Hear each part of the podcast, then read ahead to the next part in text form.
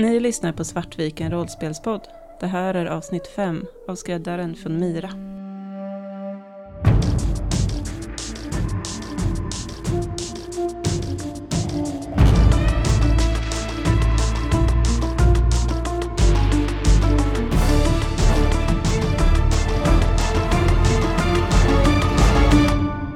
Två alternativ.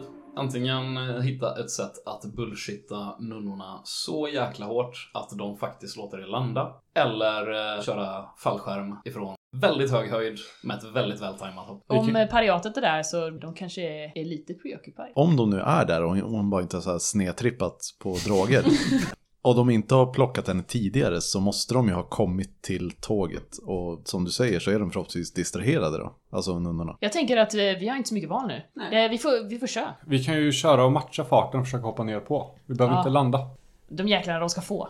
Jag känner att jag, jag har en eh, Ikilibi oplockad med de här. jag har ju fått tillbaka fler kroppspoäng förresten. Nu har det ju gått lite tid tänker jag. Tre timmar till. Yes. Har vi några större vapen på skeppet? Handeldvapen? Eller rustningar eller vad som helst? Mm. Jag är rätt klen. Mm. Du är rätt klen. Du är ingen soldat. Men jag är det. Du är en hacka. Ja, men då Ja men jag, jag försöker matcha tåget i Eh, alla fall och allt. Jag, ja, jag, sku, jag skulle kunna säga att ni har skyddsuniformer. Jag borde ha någon form av erfarenhet med typ vad man bör göra i en sån här situation så jag kan guida eh, Mm. skräddaren till var, alltså typ göm dig på det här stället eller se ifall det finns någon, eh, någon, någon, någon panel ovanför dig som du kanske kan rubba och... Ge mig en sak på befäl för att eh, lugna och instruera skräddaren. Ja men ja då! Nu då! Äntligen! Fyra sexor! Oh jävlar! Göm dig! Panelen över ditt Eh, huvud! Du hör hur skräddaren slutar hyperventilera. Du ber henne beskriva vad hon ser. Hon berättar vad hon ser. Du lugnar henne så att hon kan göra det ännu bättre.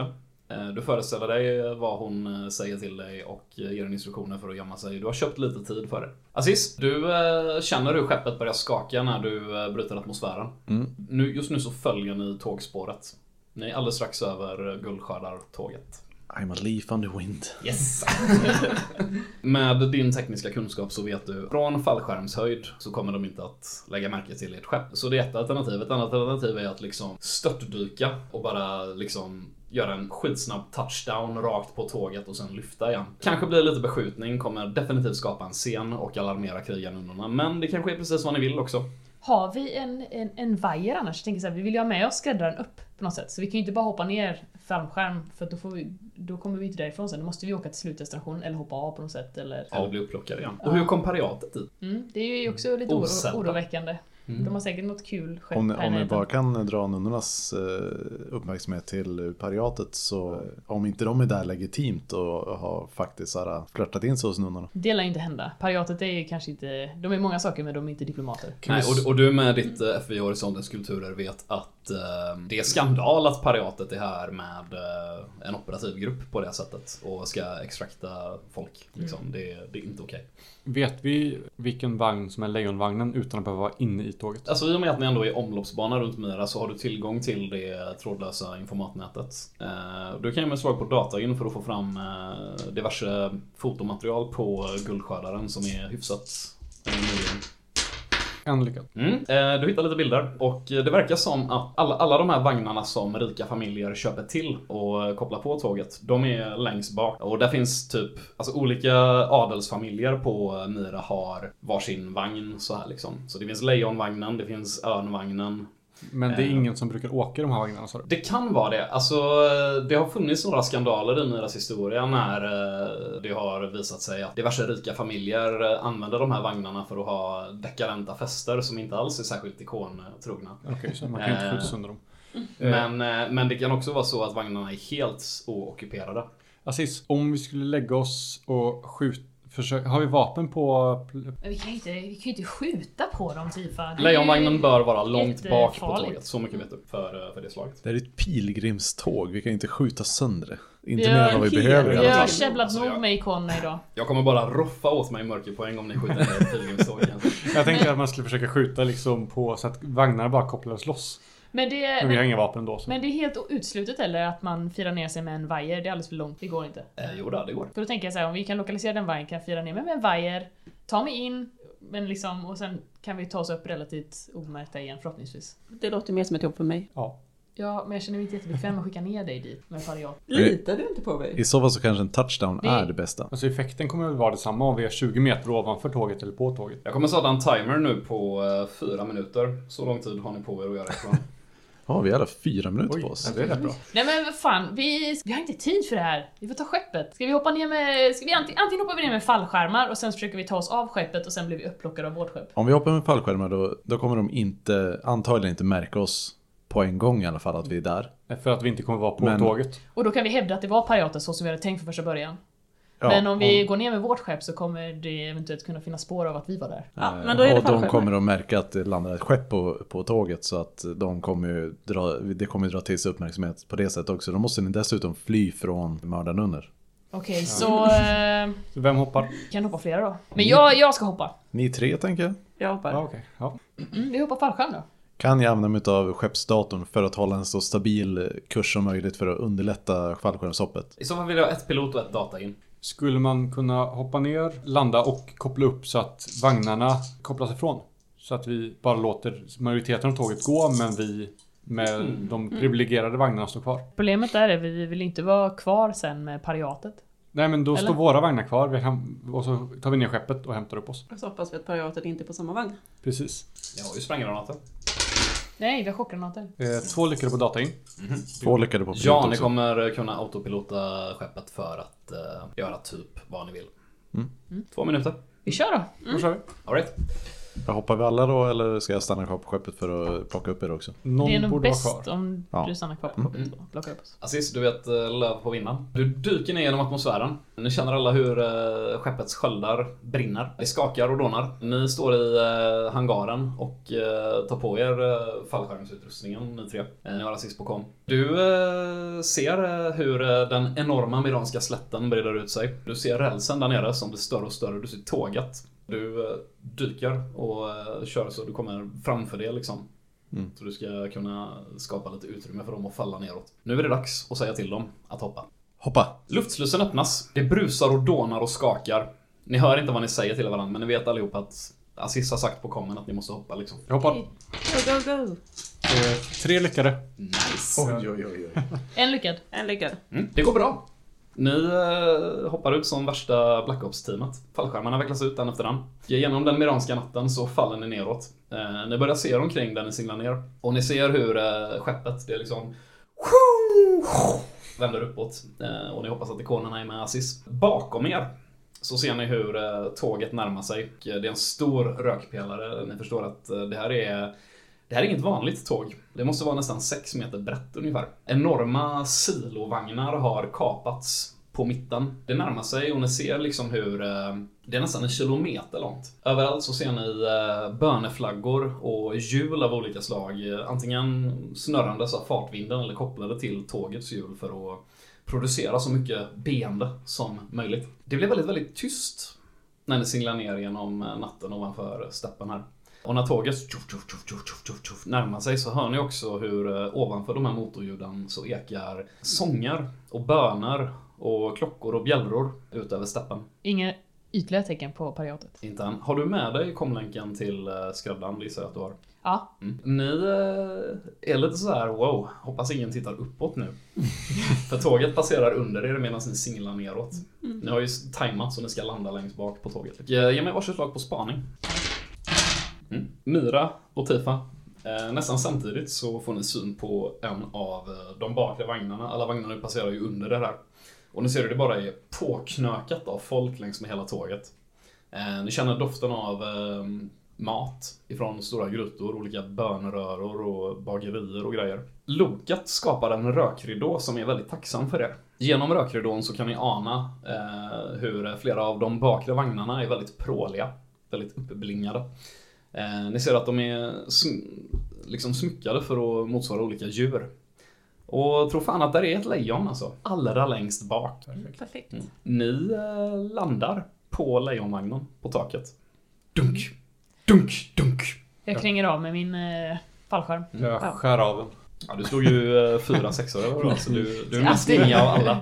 Eh, kollar efter någon form av taklucka. Yes, ge mig slag på spaning. Nej. Du ser ingen omedelbar ingång. Mira, ge mig ett slag på spaning. Anna har lite mer tärning än mig. Jag har två, hon har Massor. Massor. Är det ingång vi letar efter nu? Tre. bättre.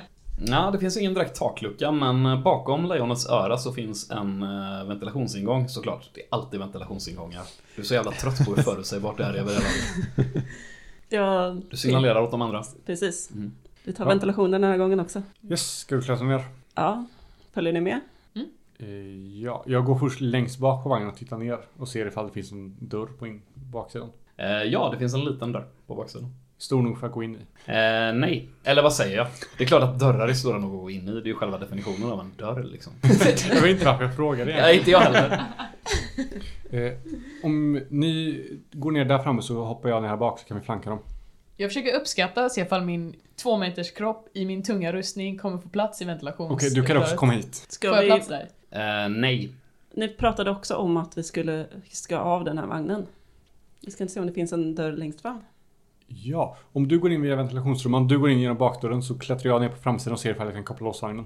Ja, bra plan. Mm. Vem vill börja? Kör du i ventilationen först? Ja, jag Yes. smyger igenom ventilation. Japp. Eh, Du har inga större svårigheter med att eh, plocka loss den här luckan och börja krypa in. Vill du aktivera din kamouflagedräkt och Ja. din modulatmask och hela skiten? Precis. Yes, du kör full on Black Ops Ninja Yes. eh, och här.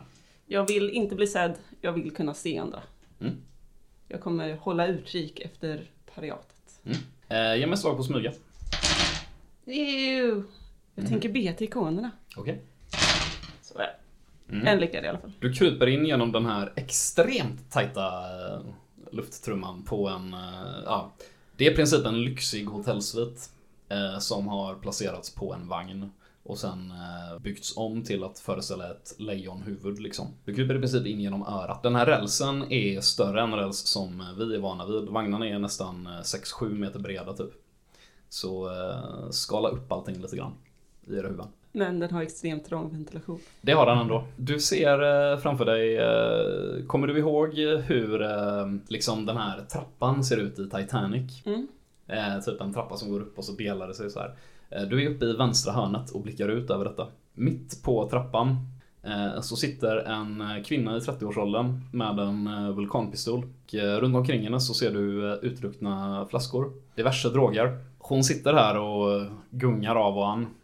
Och du ser en kommunikator som liknar den som ni fick av Samenkar. Som hon greppar krampaktigt och liksom lite så här halvtvångsmässigt blippar på typ. Jag eh, pratade i min egen kommunikator Mm. till de andra att jag ser henne. Men eh, håll utkik, det kan fortfarande vara en fälla. Men hon ser jäkligt full och drogad ut. Har du några ögon på pariatet? Inte vad jag kan se. Där lämnar vi dig för tillfället. Och eh, vem tog fronten? Jag tog framsidan. Mm. Du eh, hoppar ju ner här eh, framför. Först vill jag titta hur det ser ut Ja. där nere Ge mig ett slag på spaning. Eh, En lyckad. Ja, du vet inte. Nej, men jag ser ifall jag kan landa i alla fall. Ja, det kan du göra. Ja, då klättrar jag ner. Ja, du klättrar ner. Du står i lejonets gap. Och då vill jag kolla om det finns någon eh, så här pluggat ur eller något sånt där. För att släppa vagnen. Ja då, det finns en ganska rejäl mekanisk konstruktion. Du ser rälsen svischa förbi under dig. Du önskar att Assis var här. Mm, det gör jag alltid. Ja, Han är ju, kan ju vara med på show. Ja, jag tänkte mer råstyrka.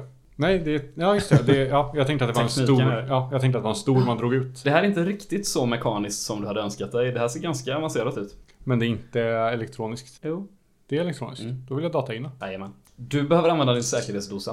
Eh, Därför att det är ett elektroniskt lås och eh, du kan faktiskt data in. Eh, ge mig ett slag. En träff, räcker det eller behöver jag pressa? Jag kommer berätta för dig vad som händer nu. Mm. Eller vi kan göra så här. Du börjar pilla med detta. Du får upp din säkerhetsdosa, du ser dig omkring och så fortsätter du blippa. Och sen ser du dig omkring igen liksom. Vagnen framför är, den höjer sig liksom över dig. Du kommer åt det här ganska eh, extremt basala operativsystemet som eh, styr eh, vagnarnas låsning och sådana grejer liksom. Det här borde du kunna fixa om bara ikonerna är med dig. Du hör aggressiva röster. Jag pressar. Mm. Säger du någonting till oss? Äh, först vill jag se hur det går. Och om jag får upp den direkt så behöver jag inte säga. Jag kastar tre mörkerpang nu. Jag får tre träffar samtidigt, sammanlagt. Snyggt. Och jag säger till de övriga att eh, folk på ingång. Det du hör eh, medans du gör det sista för att koppla loss vagnen, det är aggressiva röster som eh, Det är en standoff här på vagnen precis framför dig. Framför? Ja, Mm. okej. Och du hör eh, rösten som du känner igen från den här magistraten som eh, Marturen kommer krossa era klentrogna läror. Han är maturgen i vår och ni ska backa nu om ni värdesätter era liv annars kommer gråterskan omfamna er snabbare än vad ni förstår. Och du hör krigarnunnors röster som, röster som eh, Släpp era vapen och ta er härifrån. Ni har inskränkt på vårt territorium. Det här är ingenting som kommer stå. Du hör liksom ljudliga klampanden precis ovanför dig på vagnen framför dig. Ge mig ett sista slag på smyga. Inga träffar. Vill du be? Ja. Mm. Tre träffar. Ja, eh, jag får ge dig den. Snyggt. Klättrar ner under vagnen och... Precis. För att göra det sista så klättrar du ner under vagnen. Men eh, du håller en hand i vagnen du kopplar loss. Som gör att du sugs med den. Ja, den fortsätter ju rulla lite grann, men sen så ser du hur resten av tåget drar iväg i takt med att vagnen är på saktar in. Och du hör eh, skottlossning som försvinner. Ombord på tåget. Vi, vi är loss. Frustrerade vrål. Eh, Vi är loss. Jag repeterar, vi är loss. Vagnen är fri. Bra Eh, jobbat Tifa. får vi se vad Mimon har gjort under tiden. För du har försökt ta dig in genom dörren på baksidan. Yes. Mm. Jag, jag tar bakvägen. Yes. Jag kommer inte att eh, kräva några slag för det utan du forcerar dig in helt enkelt. Mm. Och eh, startlar skräddaren lite tror jag. Mm. För du, du kommer upp på toppen av den här trappan som hon sitter på botten av liksom. Eller i mitten av. Och du eh, Mira, du ser ju hur Mimon eh, kommer in här. eh, lite så här Kool-Aid man style. Och skräddaren hon, hon reser sig upp. Du ser henne tydligare nu. Du är med Mimon. Mm. Ja, som sagt, en kvinna i 30-årsåldern eh, med tydliga salosiska drag. Det här bleka, smala som salosen har. Eh, Långt mörkt hår. Eh, Och hon försöker rikta med sin, eller sikta med sin vulkanpistol. Får Det iväg jag! skott i Det taket. är jag! Lyssna på min röst. Du känner min röst. Det är du, det är du, det är du! Jag känner din röst! Jag, jag, jag, känner, jag känner igen den! Jag är här för att hämta dig. Okej, okej, okej. Tåget har stannat. De, de kommer för mig nu. De kommer för mig nu. jag Nej, känner, vi rör, nej. vi rör inte på oss längre. Vi rör inte på oss Nej. längre. Någonting är fel, någonting är fel, någonting är fel. Okej. Vi har ordnat allting. Tåget har stannat på grund av oss. Tåget har stannat för att vi är här för att ta dig härifrån. Mira, vad gör du? Jag eh, hoppar ner ut ur ventilationen. Hon avfyrade skott som missade precis. Eh, och, Ta det lugnt! Vi är här Kan för att jag hjälpa gå dig. fram och avväpna henne medan hon eh, skjuter på Mira? Ja, det kan du göra. Ja. Eh, hon är rätt wasted. Hon har tagit en cocktail av olika droger och väldigt mycket alkohol.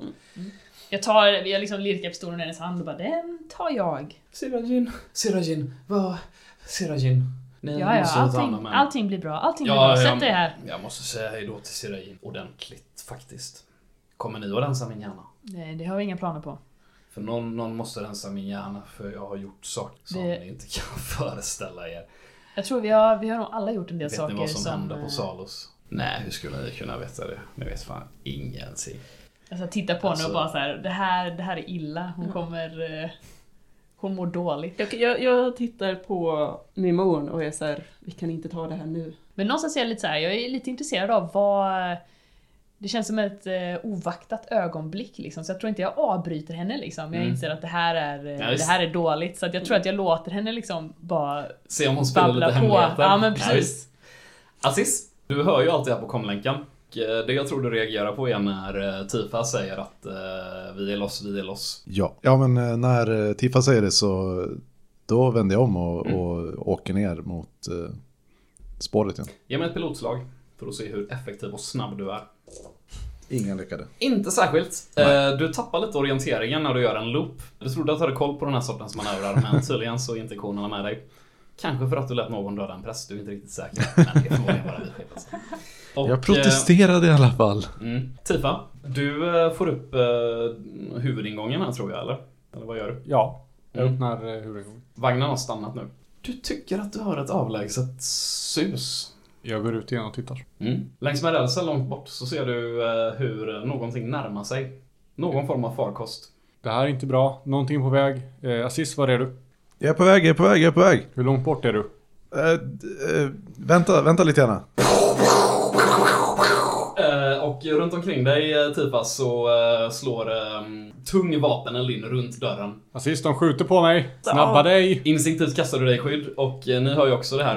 Eh, skraddan flippar. Hon börjar skjuta överallt med sin vulkan. Eller du har ju... Jag tog den. sig. Kände att det var viktigt. Vad gör ni när ni hör detta? Vi måste av tåget! Ja, för det är ju natt nu, eller hur? Mm. Ja. Åh, fort, ut! Men nej just det, bakvägen, det var fett upp, långt upp va, eller hur? Vi det. vill vara på taket förmodligen. Jag tänkte att vi vill hoppa av hela tåg, fast då kan inte Aziz sitta oss heller. Mhm. Nej men upp på taket. Vi måste upp, nu! Fort, Tifa möt oss! Eh, Ja, självklart. Aziz ger mig tillslag på pilot. Du vet, löv på vinden. Nej. Inga sexor. Inga sexor. ikonerna. Kona förbanna dig. Ja, jag ber till ikonerna. Härligt. Två sexor. Snyggt. Ni kommer upp på taket. Tifa, tar du det också till taket eller? Ja. Och, eh, ni kan se allihopa hur eh, något form, eh, någon form av eh, stealthat fordon närmar sig längs med rälsen. Tung vapeneld slår in överallt längs med eh, den här vagnen. Eh, som börjar reduceras till smulor runt omkring er. Ge mig varsitt slag på rörlighet för att ta beteckning. Mimon. Jag gissar att det är du som eh, försöker skydda skräddaren här, så du får minus en tärning. Misslyckas jag idag. Jag lyckas med. Får jag så lyckas soka min armor då? Ja, slå sex tärningar på skydd. Det här kan bli jobbigt. En sexa i alla fall. Mm. Du får massa splitter och jobbiga grejer i dig när du skyddar skräddaren med din kropp. Du tar eh, tre kroppspoäng i skada. Eh, ni andra klarar ert rörlighetslag eller? Ja. Mm. Eh, ni märker ju hur vagnen, liksom, det här lejonets tänder bara flyger åt alla håll. Ena örat flyger av, den får någonting i ögat. Ge mig ett sista pilotslag Aziz. Jag tror jag vill, jag vill putta skräddaren på antingen eh, Mira eller Tifa, antagligen eh, Mira, jag tänker att du är närmare mig. Och så vill jag, jag vill dra fram mitt vapen, Mm. skjuta mot män som Yes. kommer. Tänker att eh, det kanske hjälper lite. Så höga siffror, men nej. Vill du göra en sista bön när du störtar lodrätt nedåt genom atmosfären? Om lyckat kan få innebära att jag använder skeppet för att eh, göra en motsvarande body tackle på det, på det eh, fordon som kommer längs rälsen. Ja, visst. En lyckad. En lyckad. Eh, sen så hör ni, ni andra, ni hör ett till vrål. Det här kommer rakt ovanifrån. Eh, ni tittar upp. Vad fan gör Aziz? Så här kan man inte störtdyka genom en atmosfär. Sen så fattar ni vad det är han försöker göra. Ja, det ser ut som ett glödande klot som störtar rakt ner mot er. Sköldarna bara fucking magma. För det så här. Eh, sen så vänder han precis ovanför er eh, och glider ut över rälsen och bara tacklar den här grejen som är på väg mot er. Och eh, ert skepp flyger åt ena hållet, den här grejen flyger åt andra hållet. Eh, in i en, eh, ett litet stenparti bredvid och bara exploderar. Ert skepp har tagit rejält med stryk, men det räcker. Du kan ta runt skeppet och eh, ni ser hur det kommer inkörande så här. Det lutar lite betänkligt och ryker från några ställen så här, men du öppnar eh, hangaren och ni kan rusa ombord med den ganska omtöcknade skräddaren och eh, fly Mira. Och där tycker jag att vi är färdiga. Om ni inte vill göra något mer, eller så kan vi lämna det här och... Eller vi bör nog i och för sig spela ut vad ni gör med skräddaren. Jag är ganska nyfiken på det. Ja. Jag tänker i det här fallet så borde vi bara inte göra någonting. Nej, jag tycker vi behåller den i, eh, i besättningen. Ja, alltså eh, hon har ju en skuld till oss Ja. oavsett så att... Ja, det enda som Eh. är nu är att vi måste komma på någon anledning till varför vi inte har fullföljt vårt uppdrag. Alltså vårt kontrakt till Vi blev beskjutna av pariatet. Ja, jo men vi måste ju typ, Ja. någonstans måste vi kontakta dem sen. Ja, alltså jag tänker vi... Om vi bara kontaktar, kontaktar dem och säger att eh, när vi kom dit så, så den här vagnen som, eh, som hon skulle vara i är, eh, var sönderskjuten och vi hittade inte...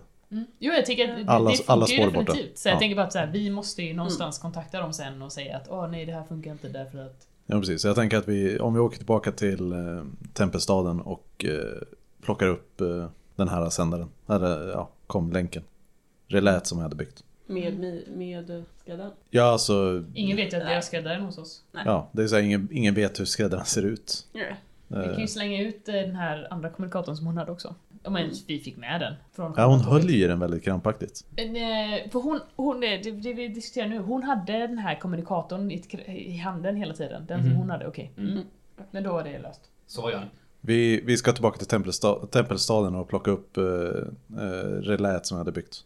Eh, Till för- rymdhamnen där. Ja. Mm. Och vi, vi lämnar ju henne i, uppe i, i skeppet, liksom. Mm. Eh, uppe i, ovanför isen. Mm.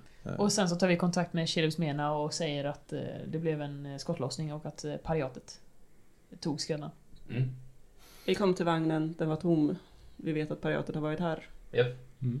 Vem levererar eh, den här lögnen till uh, Kjellsmena? Väl Tifa. Ja, Det är en expertis.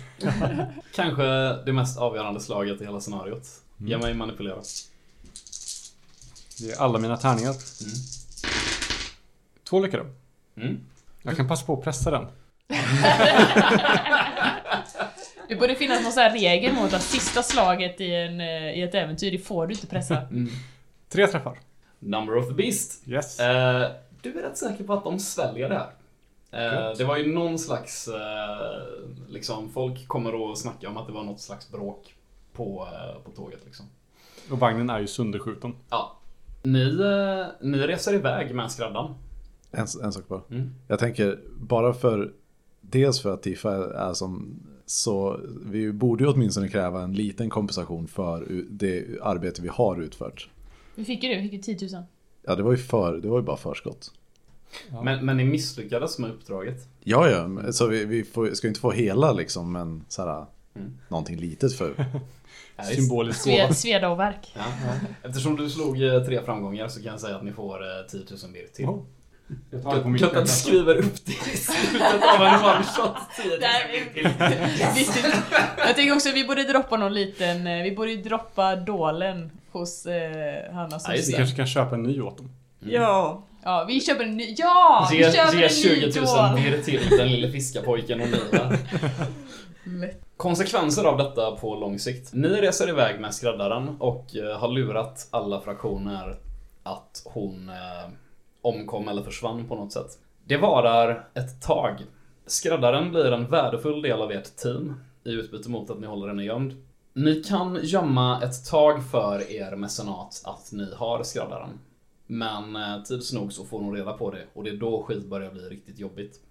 Därför att efter två, tre jobb med skräddaren, när mecenaten har fått reda på detta, så kan inte skräddarens animaturgiska leksaker skydda er längre ifrån eh, alla fraktionernas ögon som vänds mot er när det kommer ut i the underground att ni har en animaturg från Salos med er. Eh, och eh, där behöver ni fatta lite nya beslut och lite nya vägval. Det som händer på Myra, det är att eh, kyrkan fortsätter stärka sitt gap om planeten. Det visar sig att kyrkan det här förstår ju ni därför att ni är informationshandlare och infiltratörer och agenter. Eh, men eh, ni förstår att kyrkan driver fram ett avslöjande om att eh, Mena och håller på att konstruera en massiv krigsflotta åt eh, familjen Laskarid i Zenits hegemoni. Och kyrkan använder det här faktumet som ett exempel på hur huset Shelebs Mena och inte alls är lojalt mot de förstkomna i horisonten utan är klentrogna avfällingar som har lämnat de gamla traditionerna och anslutit sig till eh, de nya semiterna och går deras ärenden och är deras knähundar. Och Sheleps Menau tappar väldigt mycket inflytande på grund av det här avslöjandet. Så gör även Zenits hegemoni medan kyrkan stärks. Så är det med det. men den stora frågan, blir hon dansaren? Vem vet? Ni träffade aldrig eh, Serinda? Men det är ingenting som sprider sig i horisonten. Det är ingenting, nej, det är ingenting som Men man hade kunnat, vi hade kunnat träffa Sirinda. Och vi hade gått, valt den vägen liksom. Ja, till att börja med så, här avslutar vi scenariot. Mm. Så allting som jag säger härifrån kommer vara spoilers. Eh, ja, tack, tack, tack. tack. Eh, jag tyckte ni löste det mycket elegant. Snyggt jobbat. Ni, eh, och jag menar, ja, eh, eller spontana kommentarer så till att börja med. Jag gillar det. Det var snyggt. Så som vi spelade nu så blev det två pikar liksom. Två dramaturgiska. Mm. Eh, dels eh, slutkampen i första spelmötet och sen slutkampen i andra spelmötet. Som var skitsnyggt rent dramaturgiskt. Jag Okej. trodde ju nästan att äventyret var slut efter första. Mm. För det var så här, Ja, okej, det, det, hade ju kunnat, alltså, så här, det hade ju kunnat vara det. Alltså, det hade kunnat vara så här, lite miniäventyr i sig liksom. Att man kommer dit och ja, man Snubblar anar- över några Ja. pariatjävlar liksom. Eh, Det var väldigt bra locations tyckte jag. Det kändes som att det var väldigt stämningsfullt. Dels Mm. det här eh, fabriken där uppe i det här svävande lilla, men även liksom tåget, bönetåget. Kul. Eh, Så det var nice. Den, Mm. som var lite var väl här armen på dansaren då. Jag, tror, jag fattade inte riktigt hur det såg ut där bak. Eh, Jag, jag hade inte riktigt det klart i mitt huvud heller. Jag hittade mest på det medan vi spelade. Eh, okej. Det kommer ju av att i Horisonten-boken så gör de en grej av att eh, de här statyerna finns och eh, dansarstatyn har en tredje arm som ikonkyrkan har försökt dölja.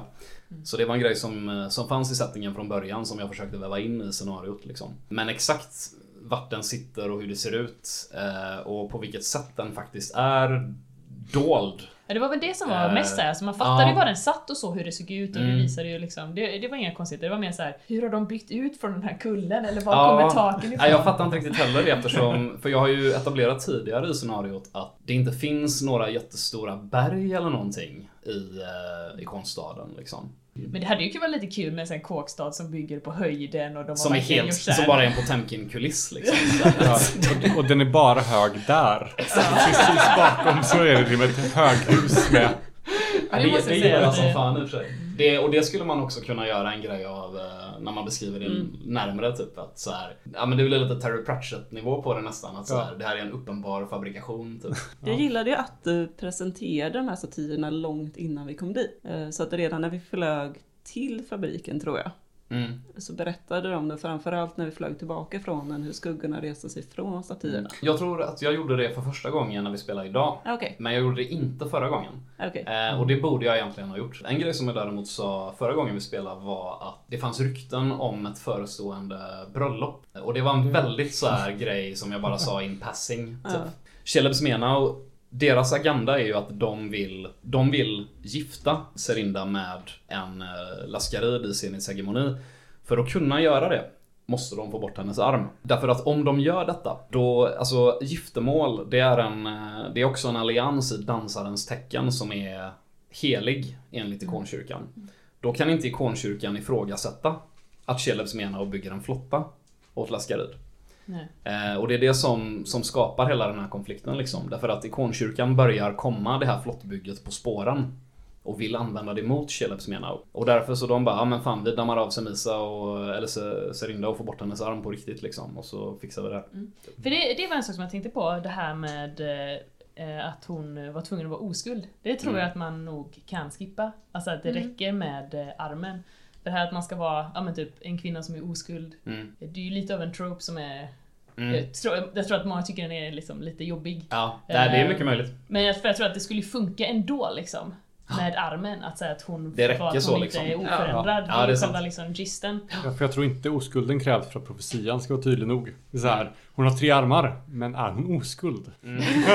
Sa- Samtidigt så var det också lite en grej för mig, för, för jag gick igenom samma tanke med den grejen.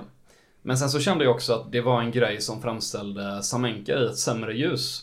Att han var så mån om att hon skulle vara oskuld. Och för våra moderna sensibilities så är det en ganska sunkig grej. Mm. Vilket gör att man ifrågasätter honom mer. Jag är kluven till den grejen, men jag, jag hör vad du säger och jag... Men, för jag tror att så här, nu, nu i och för sig, det är svårt också att säga alltså så här, vad du tillför som spelare och vad som är. För jag tror att jag hade nog tyckt att Samenka var obehaglig ändå. Mm, Bara så som du spelade honom. ja, Så att så här, för mig är det nog inte, det kändes överflödigt för mig just för att just han, du, spe, ja, du spelade honom ju så yvig liksom att ena Mm. stunden var han lugn, ena stunden var han men uppenbarligen lite koko liksom. Mm, Man var liksom redan lite avig till honom ja. ändå. För Ja. att han verkade vara lite sådär, lite knäpp. Ja, nej, men bra. Nej, men det ska jag ta med mig, absolut. Men Eh, överlag tyckte jag det kändes nice för det kändes som att man eh, man tyckte ju inte egentligen om något av valen. Så här, alltså alla var såhär, han eh, Jaskar står där och pryglar folk och, Mm. och samtidigt ändå så fanns det liksom ändå en- någon röst av eh, vett i alla situationer också. Mm. Det tyckte jag ändå var bra att det fanns liksom eh, alla valen kändes dåliga men med en liten glimt av att ja, men det, här, det här kan man nog göra liksom. Att det Mm. här, nu kan jag få det att Det att fanns make ju- sense. Liksom. Det fanns ju argument för alla sidor. Ja. Precis. Och Det, ja, det är jätteviktigt för annars blir det ett, ett enkelt val. Mm. Och det är inget intressant val. Nej, exakt. Nej. Eh, Så det måste ju finnas, man måste känna att fan, men båda här, jag ser fördelen med dem. Mm. Annars så är det ju inget val. Mm. Då är det bara så här självklarhet. Och det är också så här, jag gillar ändå kontrasten med att det här är fördelaktigt för oss ur en praktisk synvinkel, men fan vad jag ska det är en skitstövel. alltså, så här, det, det, Ja. Jag vet att det här är rimligt för oss att göra, men det, det tar emot lite. Ja. Att han, han som karaktär liksom, eh, det var ju samma liksom med magistratet och, Mm. och eh, eh, Samenka, liksom, att, att de hade drag som gjorde att de var obehagliga och man ville liksom inte ha med dem att göra. Ja, Men, eh, men det fanns liksom, ja, det fanns ju argument. nej men de, de representerar ju väldigt, för oss, negativt laddade arketyper liksom. Mm. En sekulär patriark och en religiös patriark, egentligen. Eh, som bägge två vill kontrollera kvinnor liksom. Ja, det var ju verkligen Ja. det. Det hade varit väldigt annorlunda om både tjänaren och Ja, hade Serinda varit- hade varit pojkar. Ja, det är, det är väldigt intressant faktiskt. Det ska jag fundera lite på.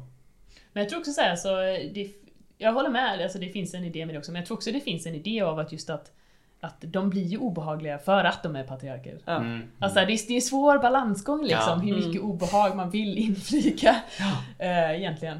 Men något som jag tyckte var nice och som jag måste lyfta, det var ju också att du- jag tycker du förde in, eh, om man tänker så här representation, ibland när det gäller SCP och sådana grejer, att det kan vara svårt att föra in representation på ett eh, alltså, sätt som inte är, är pressat eller påtvingat. Men jag tycker att, att det här att eh, skräddaren hade en homosexuell relation, jag tyckte Mm. att det kom väldigt enkelt och väldigt naturligt och eh, det var liksom relevant och väsentligt för oss att utforska det på ett sätt. Mm. Jag hade nästan sett att, jag hade gärna sett att eh, Sira Jin hade eh, nu vet inte jag, hon kanske, det kanske hade kunnat vara en tråd som vi hade kunnat gå på. Ja. Eller liksom hur mycket Alltså jag, hon? hon får inte plats i äventyret. Ja. Och det är så himla Mm. hemskt för jag har, jag har 4000 ord liksom. Mm. Men ehm, jag hade väldigt gärna velat att hon var en av två kritiska ledtrådar som man får i skräddarens bostad liksom. Mm. Eh, men, men så som scenariot är skrivet nu på de 4000 ord jag har så är det typ Det går inte att hitta henne. Punkt slut liksom. Och det är skittråkigt. Ja, för det, Så, det, eh, det var ju min första tanke liksom att Mm. just att eh, gå efter henne men eftersom vi inte hade några Precis, för där, där har man ett namn. Ja precis, det är bara ett namn. Mm. Jämfört med en präst ur sökarnas cirkel Ja, som är jävligt abstrakt typ Mm. och kräver mer jobb liksom. Men hur funkar det, alltså, om man tänker den här... eh, En annan kvinnlig karaktär som ändå var relevant, det var ju hon Aisha, alltså hon tjänaren då. Mm. Hade det liksom varit för pressat att på något sätt eh, ersätta henne med Sirajin? Alltså att man, man sammatvinnar de två spåren. Mm. Så att man kan komma på det på båda sätt. liksom. Ja just det, det kräver, det kräver ju att Jaskar hittar henne på något sätt. Innan Mm. pariatet gör det typ. Så hur hade han kunnat hitta henne? Ja, du behöver inte svara på det nu, men jag tänker Ja. så att... eh, För att jag... Jag gillade verkligen det spåret. Jag, jag gillade också det här när vi satte... Du satte upp henne som en, eh, som en relevant ledtråd och då blev det Ja, väldigt väsentligt. Nej, men, här, men jag gillar det liksom, för då blev det... Den här relationen då, den här Mm. representationen, den blev väsentlig. Det, Mm. var, det var rimligt för oss att, att eh, vi ska bry oss om det här. Och det är ett väldigt bra sätt att föra in representation i ett, Mm. i ett äventyr tycker jag. Nej, jag tror att det som, det som jag tyckte motiverade att ha kvar henne, även om hon inte var en kritisk ledtråd, var att det gjorde skräddaren mänsklig. Mm. Ja. Eh, För det är en viktig grej med det här scenariot, att man börjar fundera på, okej, men vem är skräddaren och vad vill hon liksom? Och hon är, så som texten är skriven nu, så är hon väldigt odefinierad vad hon vill. Hon vill typ, hon vill bort bara. Det är allt hon vill liksom. Men det hade man kunnat göra lite mer av också, men det är, ja, 4000 ord är fan inte mycket. Eh, Nej, jag förstår. Men Så kan man inte lägga in det så som en motivation eh, alltså till att eh, hon vill göra som vi vill? Att man kan lova henne någonting med Sirajin. Det skulle man kunna göra. Det skulle kunna vara liksom bara någon mening eller någonting i texten Mm. om att det bästa sättet att få med sig skräddaren är att svära att man ska hjälpa henne hitta och rädda Sirajin. Mm. Till exempel. Att det är det som, eh, som pushar henne över gränsen för att hänga med en typ. Och jag tänker också bara den här delen du hade eh, den här i hennes lägenhet, att Sirajin mitt hjärta och såna grejer. Det tror jag också äggar många spelledare som kan liksom bygga vidare på det själva heller. Så det är inte säkert att man Mm. behöver ha någonting definierat i äventyret heller. För att eh, det, är- det, är, det är skrivet på sånt sätt att det är fantasieggande. Mm. Och ibland så, eh, så räcker det liksom. Ja. Jag kan berätta vad som hade hänt, eh, alltså om ni hade om ni hade gjort jobbet. det vill säga, ehm, ja det hade ju slutat med att liksom, okej, ni sätter skräddaren i kontakt med eh, Caleb Smenau. Under deras dialog som ni hade eavesdroppat på då, så hade liksom eh, Caleb Smenau, då hade hon fått prata direkt med eh, matriarken Dramora liksom. Eh, som hade, och hon är ju en, hon är ju en skicklig manipulatör liksom. Hon är ju eh, förstinna över ett skitmäktigt hus och hade kunnat snacka till skräddaren på skräddarens sätt och lovat henne guld och gröna skogar. Så, och så hade ni levererat skräddaren till dem för skräddaren hade gått med på att göra jobbet. Då hade ni fått träffa eh, Serinda utan sin tredje arm.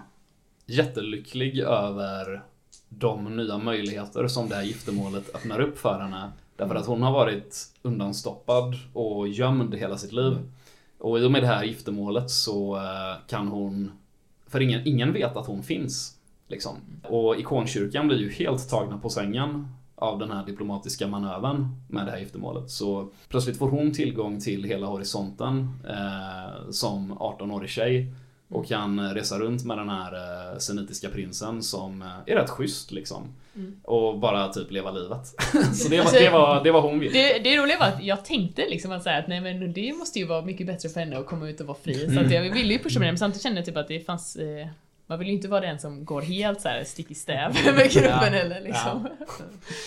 Men jag måste säga att det blev skitnice kände jag, för jag tänkte liksom att Mimoon skulle haft någon så här form av eh, att hennes familj Mm. ville att hon skulle ingå i någonting som inte hon kände att hon ville göra med sitt liv och hon stack och gjorde någonting. Så det blev så, här, det blev, det blev så himla naturligt att hon föll in i det. Ja. Att så här, att, men vad vill hon då? Liksom. Mm. Nej men det, det hade jag väldigt, väldigt roligt med just att ni, att ni ändå hakade på gråskalorna typ. Och funderade på hur era rollpersoner förhöll sig till de möjligheterna som presenterades för er. Typ. Vad, vad är moraliskt rätt för, för mig att göra i den här situationen liksom? För det jag gillar liksom när det blir sådana samtal i gruppen typ. Och eh, det är de valen som jag Dels de valen och dels hur kan vi playa olika aktörer mot varann? Typ. Det tycker jag oftast är roligast i rollspel, personligen som spelare. Och det är ofta dit jag dras till, eh, dit jag dras själv när jag skriver scenarion liksom. Att jag försöker skapa situationer där spelarna eh, tvingas göra just de två grejerna liksom. Jag tyckte mest det var svårt att faktiskt spela på att min karaktär har en religiös övertygelse när jag verkligen inte tyckte om det alternativet. Eh, Men det är ju så här, det, det var ju rätt liksom så här att det är kyrkan som är det viktigaste liksom. Det är ju inte... eh, Och dessutom, ja, de från huset har betett sig uppenbart liksom omoraliskt och sånt där så kändes det verkligen Mm. relevant att sätta dit dem liksom.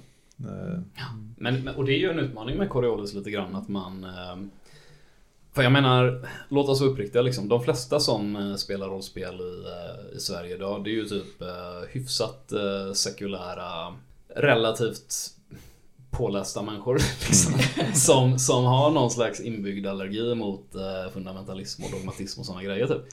Och det är ju lite det som gör Coriolis så jävla intressant liksom. Ehm, och, det, och det öppnar egentligen åt två håll tycker jag. För det första så öppnar det för att göra ironiska, absurda pastischer på religiös övertygelse, vilket kan vara väldigt roligt. Eh, och för det andra så öppnar det för att faktiskt, om man ska försöka ta en mer så här seriös role-playing approach, att man faktiskt försöker leva sig in i vad det innebär att ha en religiös världsbild. Liksom. Vilket är skitsvårt. Ja, verkligen. Eh, och jag tror det jag försökte göra här var, det var ju inte det som ni var inne på tidigare, att ge, att varje aktör hade en anledning för er att, som spelare, inte som rollpersoner, som spelare att känna sympati och antipati för dem. Liksom. Ni som spelare skulle kunna känna typ att okej, men det här hade varit coolt om det hände i spelvärlden. Eh, och det går att motivera religiöst. Då kan jag rollspela det liksom. Eh, och det tyckte jag att du gjorde väldigt bra. För du liksom, och det, och det är rimligt att du typ fan Jag menar kolla på Europa under medeltiden eller mm, den arabiska världen idag typ. Alltså man är ju nere med majoriteten i sitt religiösa samfund. För det allra mesta liksom. Och det är ikonkyrkan för dig som Jag tyckte också det var bra, för det var ju liksom inte, det var inte en klar kontrast mellan alltså, sekulärt och religion heller, för det var ju verkligen en gråskala inom Mm. religion, att du hade ju Farah, eh, Farakudu, Farakud, Farakud. Farakud Mm. eh, och eh, sen då Samenkar och sen så pariatet, alltså det känns som att det finns flera nyanser av Ja, crazy. Där märkte ni mina värderingar. Så det, nej men det var nice liksom. Ja. Jag skulle också, jag skulle vilja höra vad som hände med den här eh, snubben som jag droppade i en, eh, i en soptunna. Ja du. Kommer han komma tillbaks en dag och us in our dreams? Ja, ja, det, det är också en möjlighet om man eh, Så som scenariot är skrivet så eh, Om man inte har eh, för, för ni var ju lite smarta där att ni eh, liksom När ni kom till eh, Tojels terrarium Att typ, nej men du ska inte göra det här åt oss Vi ska köpa dina maskiner en stund och göra den här grejen. Kolla inte. Typ. Trots att det blev väldigt dyrt. Ja. Men om man låter han göra det, då blir han väldigt exalterad och utropar högt att det här är skräddarens hantverk! Eh, liksom. Och precis då så kommer eh, gangstrarna in. eh, det roliga är att de har anlitat skräddaren ett par gånger. Men de vet inte att skräddaren är en animaturg från Salus. Alltså de, de säger typ eh, Jaha, vad gör ni här liksom? Ja men eh, vi har ingen lust att bråka med er. Ja men eh, jaha, ni är ute efter skräddaren eller? Ja men vi kan ta er till skräddaren, det är lugnt. Kliv bara ut vara en härifrån. mycket, mycket enklare väg för oss alla som inte hade gått ut och flexat Nej men så här, kliv bara ut härifrån och låt oss misshandla den här eh, bioniken liksom. SL tar ett mörkerpoäng. Och då tar Okra Dharma en till skräddaren. För de tycker att det är en mycket enklare lösning än att behöva puckla på er för att kunna puckla på och ta ihjäl typ. Men eh, när Okra Dharma ser att eh, rollpersonerna blir anfallna av fucking pariatet. Då trillar poletten ner. Och Okra Dharma som organisation förstår att det här är en animaturg från Salus. Så då får man Okra Dharma på halsen också. Och de kanske hänger med till Guldskördaren för att, eh, för att hitta skräddaren med typ. Så det, de är så här. De är en tredje aktör som ni dribblade bort rätt snyggt typ. Eh, Jag trodde de bara var eh, så här goons som skulle vara i vägen lite grann. Inte eh, att de kunde vara en... Det är de, men de kan bli värre än så. Typ. Eh, och sen så från början hade jag tänkt att det också skulle finnas en agent från... Eh, för Zenits hegemoni är ju eh, tudelad i några som är eh, så här, behålla blodets renhet och massa skit. Och några andra som är mer, ja, nyseniterna då, som är mer typ, ja men tjäna pengar och ha det gött och hänga med förstkomna typ. Och de har ju en egen underrättelsetjänst som undrar vad den här släkten Laskarid håller på med med Shelebs Menau. Eh, så de har en agent som spanar på Sheleb Menaus verksamhet. Eh, och om man är för mycket av en dick mot Milar eh, då kommer hon att tjalla för den agenten. Så får man den på halsen också till Guldskörden. Det här- känns ju lite som en så här Coen-film där så här, Mm. vi ger oss in i någonting och har ingen aning om vad vi håller på med och Nej. sen så bara massa bös. Och det är lite därför som jag hittar på den grejen att Samenkar får inte ljuga. Och det är också så pariatet kommer till guldskörden. För den här drönaren, den får man på sig. Det är nästan ofrånkomligt. Liksom. Eh, så de, pariatet följer den i spåren hela tiden. De kommer till Samenkar en stund efter att rollpersonen har varit där. Och Samenkar får inte ljuga. Så han berättar ju samma skit för dem liksom. Och litar på herdens hundar. Men jag undrar varför 4000 ord inte räcker till. Ja, nej men det är precis. Det blir ju alltid så. Jag skit bara expanderar. Skit i expandera bara. så är det. Nej, men jag gillar, gillar verkligen hur allting hängde ihop eh, på ett kul. väldigt tillfredsställande sätt. Det kändes Ja. genomtänkt. Ja, Det var lite svårt att hänga med i alla trådar bara, för det var många namn och många liksom... Ja, jag vet. Så, men det... Ja, Jag tror så här att eh, har man en väldigt nitisk eh, spelledare då kan det ju här definitivt breda ut sig över flera kvällar. Mm. Ja. Och kan bli en rejäl dödsfälla. Ja. kan man med alla aktörer typ. Men, ja, Nej, men eh, jag hoppas ni hade roligt. Ja, men det det, var jätte, Ja. jättenice. Kul. Fast du Tack. hade roligt. Ja. Kul. Ni är jätteroliga att spela med. Så grymt jobbat från alla. Ni har lyssnat på ett avsnitt av Svartviken rollspelspodd. Coriolis ges ut av Fria Ligan. Musiken är gjord av Alexander Bergil.